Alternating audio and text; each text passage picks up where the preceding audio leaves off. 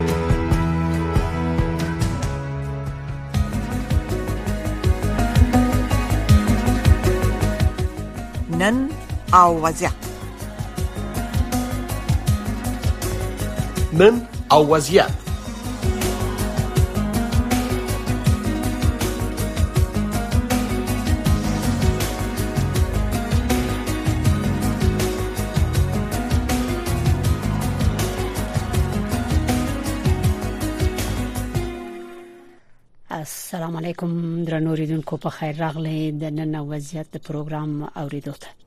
ستړي مشي درنو ریدونکو په دې پروګرام کې مونږ په ځنې داسې مسایل باندې غږیږو چې اکثره اوریدونکو هم غواړي ځوابونه واوري او پوښي چې دا کوم افغانان چې تازه په دې تیر یو کال یا یو نیم کال کې راغلي دي امریکا ته د دوی ژوند دلته څنګه دی یا چې په نورو ملکونو کې پاتې دي په دویم یا دریم ملک کې دا غي سرنوشت به څنګه شي او څوک چې راغلي دي دغه افغانان دلته څه کوي د دوی ژوند څنګه دی دوی څه کاروبار کوي کاروبار لري یا نه لري مرستې ورته رسیږي یا نه رسیږي او دوی سره کومک کیږي یا نه کیږي په هر صورت ډېری مسلې دي چې په عرب برخه کې لنې کمغه خپل افغانان د خپل نورو افغانانو سره مرستې کوي او غوي ته لارې خي دا د سند چې په خوا چې راغلي دی غوي ټول کار کوي ام دې تازه راغلو ما افغانانو کې چې امریکای ته راغلي دی او دلته منل شوی دی یا ځنو ته اوس دغه ویزه بیرته تمدید شوی د وخت ورکړ شوی دی په دوی کې ډیر داسې مسلکی کسان دي کارپوهان دي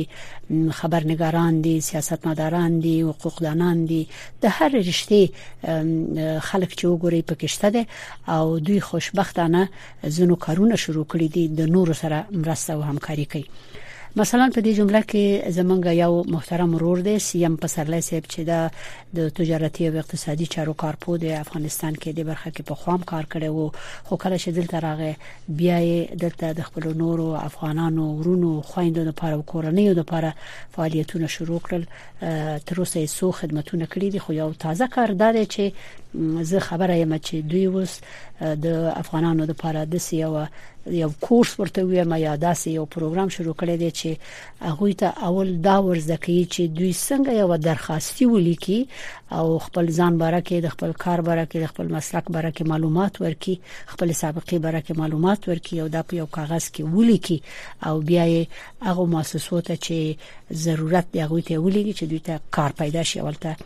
د کار لپاره دوی استخدام شي یعنی دا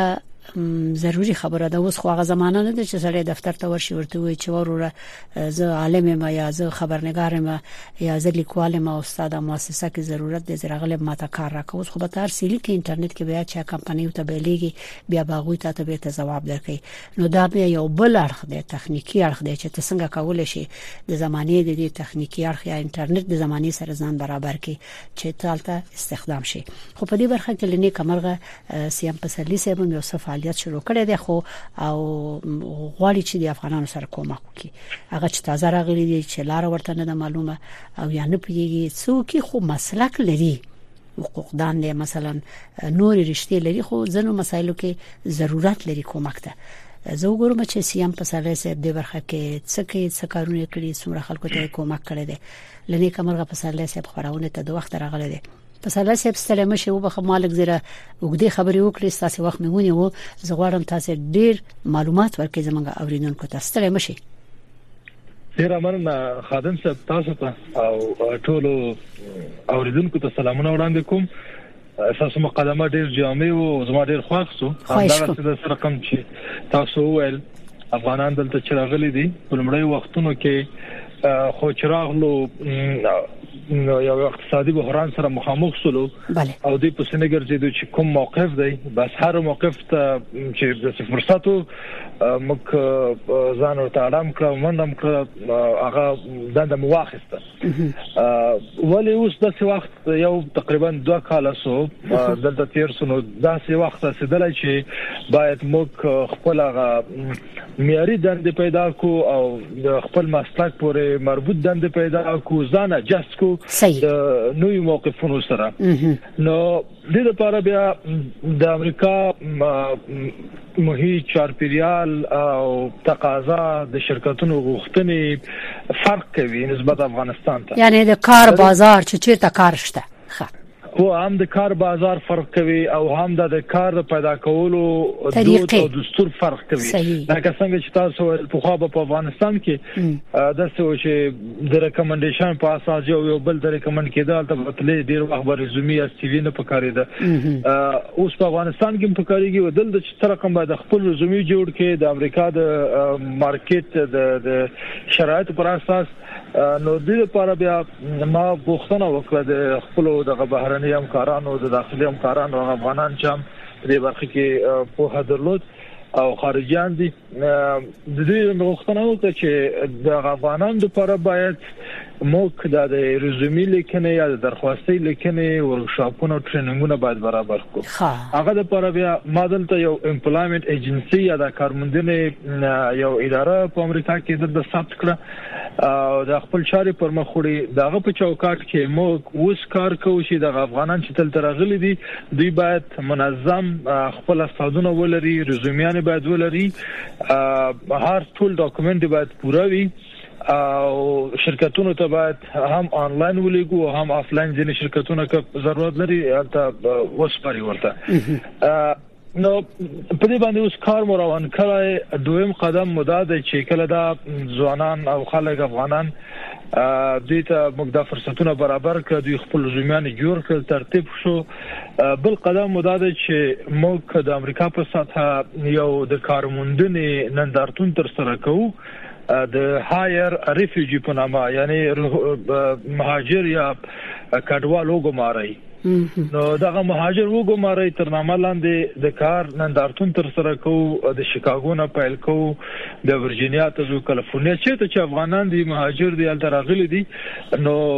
شرکتونه دعوت او یعنی تاسو دې ځایو ته ځي شرکتونه دعوت او هلته مخامخ خبرې کوي دا کار خو انلاین هم کېدای شي کنه خو خو دا څه چې دا د کارموندنې سټ اپ موږ داسې برابر کړای چې فکر وکړم موږ کالیفورنیا ته ساکرامنټو ته الته چې زه ګورو الته افغانان د شاوخوا فکر وکړي 50000 فامی کورنۍ پالته ژوند کوي او شرکتونه هم تم بالتم ډیر زیات دي نو دده لپاره بیا موږ یو هوټل یو ځای د سنیسو چې دا ټول شرکتونه راو غواړو او په مغه وخت کې دا موږ افغانان هم راو غواړو چې دوی مخامخ د شرکتونو سره عمل ته وګوري دوی ورسره مصاحبه وکړي انټرویو وکړي او دوی استادونه واخلي او وګماري د دې دا طریق دا ولې موږ افلاین کوو دلیل دا دی چې زیاتره شرکتونه کارمندان ته ضرورت لري او د انلاین په طریقه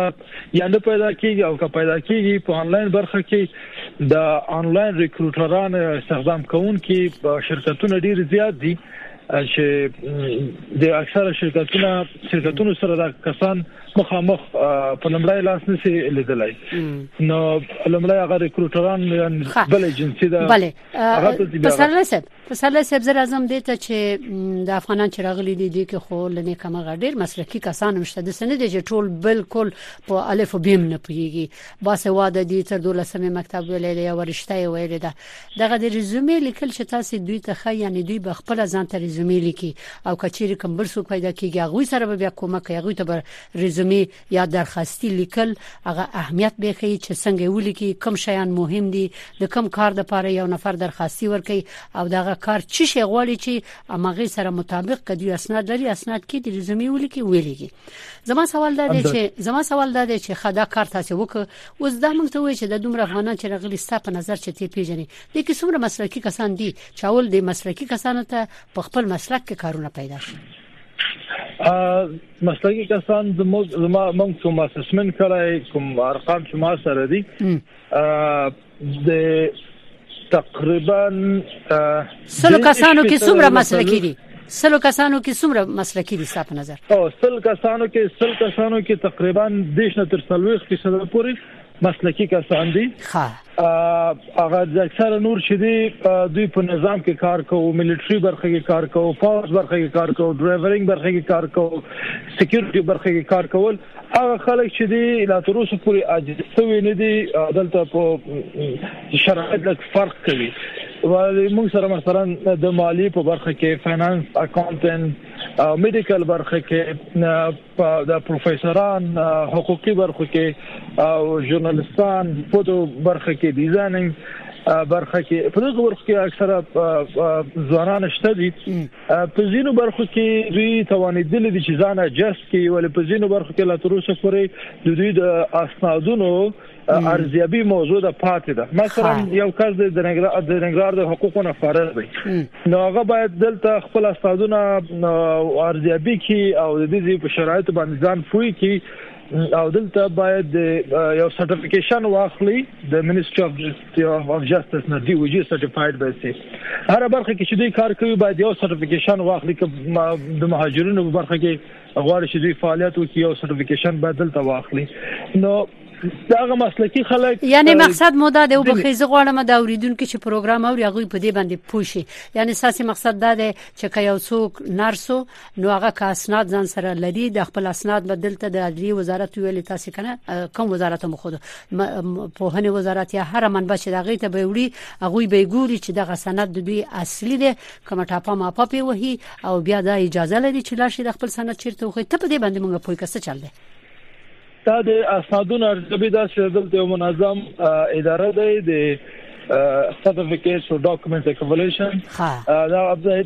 د ارزیابي کوي چې مثلا د پوهنتون نه فارغ د ننګرهار د افغانستان بچلر لسانس د امریکا د کوم سټانډرډ سره برابر دی آیا د ته هم ویل چې مثلا ته د پونتون نه فارغي دا غاس نازونه دلته ګوري ارزیابي کوي بررسي کوي نه کومرغه زموږ د زین اکثر افغانانو استادونه چې بررسي شوی دي د ته هغه پرستیج ورکړ سوی دی چې د حقوقو نه فارغي مثلا زما یو دوست د یو دوست هغه اکاونټنټ دی هلته په افغانستان کې ای سی سی ای درلود ای سی سی ای چې د اروپאי هیوادونو کې تر ټولو لوړ یا معتبر د اکاونټینګ سرټیفیکیشن دی ولی په امریکا کې چې بیا دا سرټیفیکیشن دلته نه منل کیږي دا باید بل سرټیفیکیشن واخلي هغه لپاره اپلای وکړي دا سرټیفیکیشن واخیسته نو دغه سي اډجستمنټونه شته چې دوی باید تاسو پام دې برخه کې تاسو پام دې برخه کې افغانانو سره کومک کوي دفترونه او لارې چارې ورته خي چې دوی لاړ شي دغه خپل سندونه غ دفتر ته ویسي او هغه ورته تایید کی چې استاد دا سند صحیح دی ته د افغانستان د حقوق پوهنځي نه فارغ او بشلر ډیګري لري په کیسه درست همدا څه ده کوم افغانان چې موږ ته مراجعه کوي موږ هغه ادرس او معلومات شریکو د زیغه ادارې ته خپل اسنادونه بررسي کوي خو دلته شرط دا دی چې دوی باید خپل اصلي اسنادونه ځان سره ولري کوم افغانان چې نه لري باید راوي غواړي اصلي اسناد یعنی سرټیفیکیشن ډیر مهم دی یو بل سوال دوی خو مج... د افغانان چې راغلي باید کار وکړي سره صحیح ځکه شپږ میاشتې نه روسته به دوی سره حکومت هم نور کومک نه کوي دوی ته وځي خپل لار پیدا کوي نو څوک چې اسناد نه لري هغه سره تاسو څنګه کومک کوي اسناد نه معنا تعریف کچې د څه وګو چې مثلا نه مقصد مې دا دی چې یعنی افغانستان کې درس او تعلیم کړی دی تعلیم یافته سره دی البته فاکولټه هم ویل دی چیرته کارم کوو خو د دوی سره د سند نشته ځکه ټولو بس منډه کړل میدان وای ته تایرو کې نسن راغلل چا سره بسنه دونوي دوی به سوق کچې دوه لارې دلته دی یو لار دا چې اوس خو د پوسټ لارې استادونه انتقالېږي په ډېر اسانۍ سره اکثر افغانان خپل استادونه د افغانستان څخه وغوښتل د د پوسټ لارې غواړي یو دوم دا د کچیر دی بيخني اخیسته مشکل لري نو دوی دوی مشکل سره مخامخ دي دوی فکر وکړي یو لار ځان د څه پیدا کړي یا سره درس وي یا به زیات امتحان ورکوي یا به یو ځانګړي سرټیفیکیشن باندې کار کوي سند ډیر زیات مهم دی تاسو به دلته باید موږ ځان ثابت کو چې هلته موږ درس ویلی او دلته دلته باید یو څه وړاندې کو خلکو ته باید قناعت ورکړو ښه کچېره هیڅ لار نه وي موجوده او ډېر مشکلات منځ کې موجود وي الته کور مثلا سوځېدلې وي کمبل مشکلي او سندونه یې لمنځه تللي وي هیڅ شی نشته د نورو دفترونو نه بسنګ سو کلته مجبور وي چې د دې لپاره د سندونه راو باسي د دې شخص لپاره د دې کسانو لپاره نورو ساحو کې تاسو کارونه پیدا کولای شئ هو هو دا چې کسان چې بیا دوی زی بیس ان کوالیفیکیشن مثلا دوی کولای شي چې د فرنټ ډیسک په برخه کې د سیلز یا مارکیټینګ په برخه کې د کمیونیکیشن په برخه کې هغه پوزیشنونه چې استعداد ته ضرورت لري او اسناد ته ضرورت ډیر نه لري هغه مخامخ ګوري چې ته سره کوم خبري کوي سال پاس حرکت څنګه دي او څومره په انګلیسي ژبه باندې پويږي او څومره په دغه موقف باندې ته حاکمیت لري او یو کس و دلته راغله و د حقوقونه فارغ او د زراعت نه هم فارغ و دوه لیسانس درلود ولې د اشپز په توګه کار کاو نو دلته راغی موږ سره کار وکړو موږ ول د کار کوي چې راغلو اول پیسې مونږ نه درلود هیڅ نو تر ادارې ته ولاړم د اشپز په توګه مقرر شوم زما شپږی خو په داسې حال کې چې اشپزي صنعت نه درلود چې اشپزي خو دی او ته وویل چې دغه دغه د یور باندې پویده الته مو قرار شو اون دوه کال کېږي الته کار کوي نو اوس موږ سره موږ دغه پاسادو باندې په سیوی باندې په ټولو شاړو باندې کار وکړ منظم وکړ خو یو څو ادارات سره مو شریک کړای چې د دې لپاره باید هغه د دې شخصیت او د دې کوالیفیکیشن پورې مربوط موقفونه باید ورکړ شي نو دا ویل چې دغه دوه کالو کې خو زه دومره په دې کار کې مصروف هم چې سر منو سپورته کولای چې راتلم نا وخت به نور استادو په څیر ګرځیدل و فقط هم دومره وسو چې ما خپل ژوند د جوړ کړ اوس ځان یې چې نه خلاص کړ چې یو دوه روپۍ ولري کړه چې خپل امرار معاش په خاطر باندې ښه ساسه دا خبره چې تاسو وکړه دا خبره مو کړله ما ته یو بل ټکر په چې شته د لختیا وای تاسو ډیر افغانان دي چې هغه لنه کمرغه اسناد کمپیوټر کې لرل یا ځان سره راوړي وو په پوهنتونونو کې حتی ځان ته کارونه پیدا کړی دي استادان دي ډیر خو خو ځایونو کې کار کوي bale ډیر خو کمپنیو کې کار کوي د افغانستان نه دلته په دې کمپنیو کې چې کار کوي ډیر دوه چنده معاشونه لري یعنی داسې افغانان هم پکې شته چې ډیر مستعد خلک دي په هر لحاظ باندې دا د افغانانو هغه ډیر خو صفاتونو کې دي چې هم تعلیم یافته دي هم ډیر سخت کار کوي هم ډیر با مسولیت دي دغه شهرت دوی لري د لنې کمره همداسې دا ما پرون یو کس سره خبرې کوم ورډ بانک کې کار کوي بانک جهاني کې خو موقف باندې تازه راغلی کار کوي زموږ زم دوستان په فیسبوک کې کار کوي کار اخیسته ځینې په ګوګل کې کار واخیسته په امازون کې کار کوي دلته نه مهم لوی شرکتونه دي په غلوې شرکتونو کې دي دندې اخیسته دي په کالیفورنیا کې زموږ افغانان چې دي پخو موقفو ته رسیدلې دي په شیکاګو کې په تگزاس کې زمونږ تازه افغانان چې راغلي دي د هڅه کړې چې داسې موقفونه تر لاسه کړي تر څو د نور افغانانو لپاره هم وکولای شي خدمت وکړي ځینې کسان وکولای شول د چالاکو وخت نه استفاده وکړه ځانونه ورسته ولې ځینې ځینې نه اکثریت پاتې دي زما مشوره دا ده دا صبح را سره موافق یاست او کنه اوس د د ای آی ریولوشن یا د مصنوعي هوش د چات جی پی ټی ګوګل بارت او د ټکنالوژي پرمختګ دا د دې سبب شوی چې ډیری کارونه او دندې لمنځه یورل سي زموږ افغانانو اکثره چې دلته راغلي دي هغه په شاقه کارو کې مصروف دي هغه کارونه لدین وروسته د ټکنالوژي په واسطه هم پر مخ وړل کیږي دوی باید په ځان او ظرفیت باندې کار وکړي چې اته ساعته دوی کار کوي نو هدا اقل سلور ساعته یا 15 ساعته دوی ځان ته ورکړي چې دوی په برخه کې تخصصي زده کړې وکړي مسلکي زده کړې وکړي ځان ورسوي سرټیفیکیشنونه واخلي تر څو د دغه ټکنالوژي د پرمختګ قرباني نشي دوی باید هم پرمختګ وکړي اوس په خو په خو به د سوي شي یو اداره کې به ډیزاینر ته ضرورت وو د درې سلو ډیزاینرانو ته ضرورت وو اوس هغه ډیزاینینګ کار ټول آنلاین کیږي کانټنټ رائټینګ په برخه کې کسان ته ضرورت او زغه په انلاین برخه کې کیږي اسسټنټ ته ضرورت لوي چې دا مهالويش جوړ کې ترتیب ترجمه ته چې ضرورت وو ترجمانانو ته دا وګورئ بله ترجمانان ته ضرورت اوس دا اکثر آنلاین سوای نو د باید موږ ډیرو خيار اوسو زموږ افغانان هغه چې په افغانستان کې پاتې دي خو هغه نه زه هغه ته څنګه سم وایل ځکه هغه په داسې ماحول کې دي چې د پرمختګ ته لاسرسي نه لري او ټکنالوژي ته کم لاسرسي لري برق نه لري مشکلات لري ستونزې ډېر دي اقتصادي فقر په افغانستان کې دی ول هغه افغانان چې دلته راغلي دي په دوی باندې خو ورحم سوی او دوی باید خپل وطن ته خلکو ته باید کار وکړي لبد مرغه چې زه اکثره ګورم دوی په ټیک ټاک او په دغه ځایونو کې پرې راوسیات او ځازین ځوانان مصروف دي زه هم چې تاسو خپل وطن باندې لګور هميږي او احساس پیدا کوي لکه ځان باندې کار وکړي چې بیرته تاسو وکولای شئ نور افغانانو ته خدمت وکړي وخی پسله سه محترم یو خبره مې کوله تاسو چې پاوله کې راغلی دغه خبره مو کړ نور ته نصیحت وکړي چې باید کار وکړي لږ وخت تعلیم ته ورکړي زده کړو ته ورکړي او ځان برابر کړي عیار کړي د دې زمانه سره ځکه ټول کارونه اوس ټکنالوژي باندې کیږي انسانانو ته دومره ضرورت نشته دغه راپورټونه په اول کې څو کال مخکې راغلل هم دې ځنه موږ نشر کړل شو ول کېدل یو څو کال بعد به د څه ټکنالوژي راوځي چې ماشينونه به کار کوي روباتونه به کار کوي او انسانان به کور کې بیکاره کینی نو دغه ویره او اندېښنه موجوده و خو ځنه ویل نه د سیبونو شي انسان ته همیش ضرورت دی تاسو وایي چې دا خلک باید وسې تخصصي کارونه وکړي چې د ټکنالوژي د زکاوت او د هوش قرباني نشي ځکه هغه به کارونه کوي انسانان به بیکاره خو وزدا وایم چې دغه نوې ټکنالوژي چې دوی زده کی دا خو به یو وخت نسی کنه بیا دغه فیس دوی څنګه ورکی دا د دې برخه کې څه لار شته د خو ار کورس پیسې غوړي کنه په امریکا کې خو خبره سته چې کله د انکم کم وي مالی سوز ته ولري اقتصادي وضعیت د خنوي د دولت درته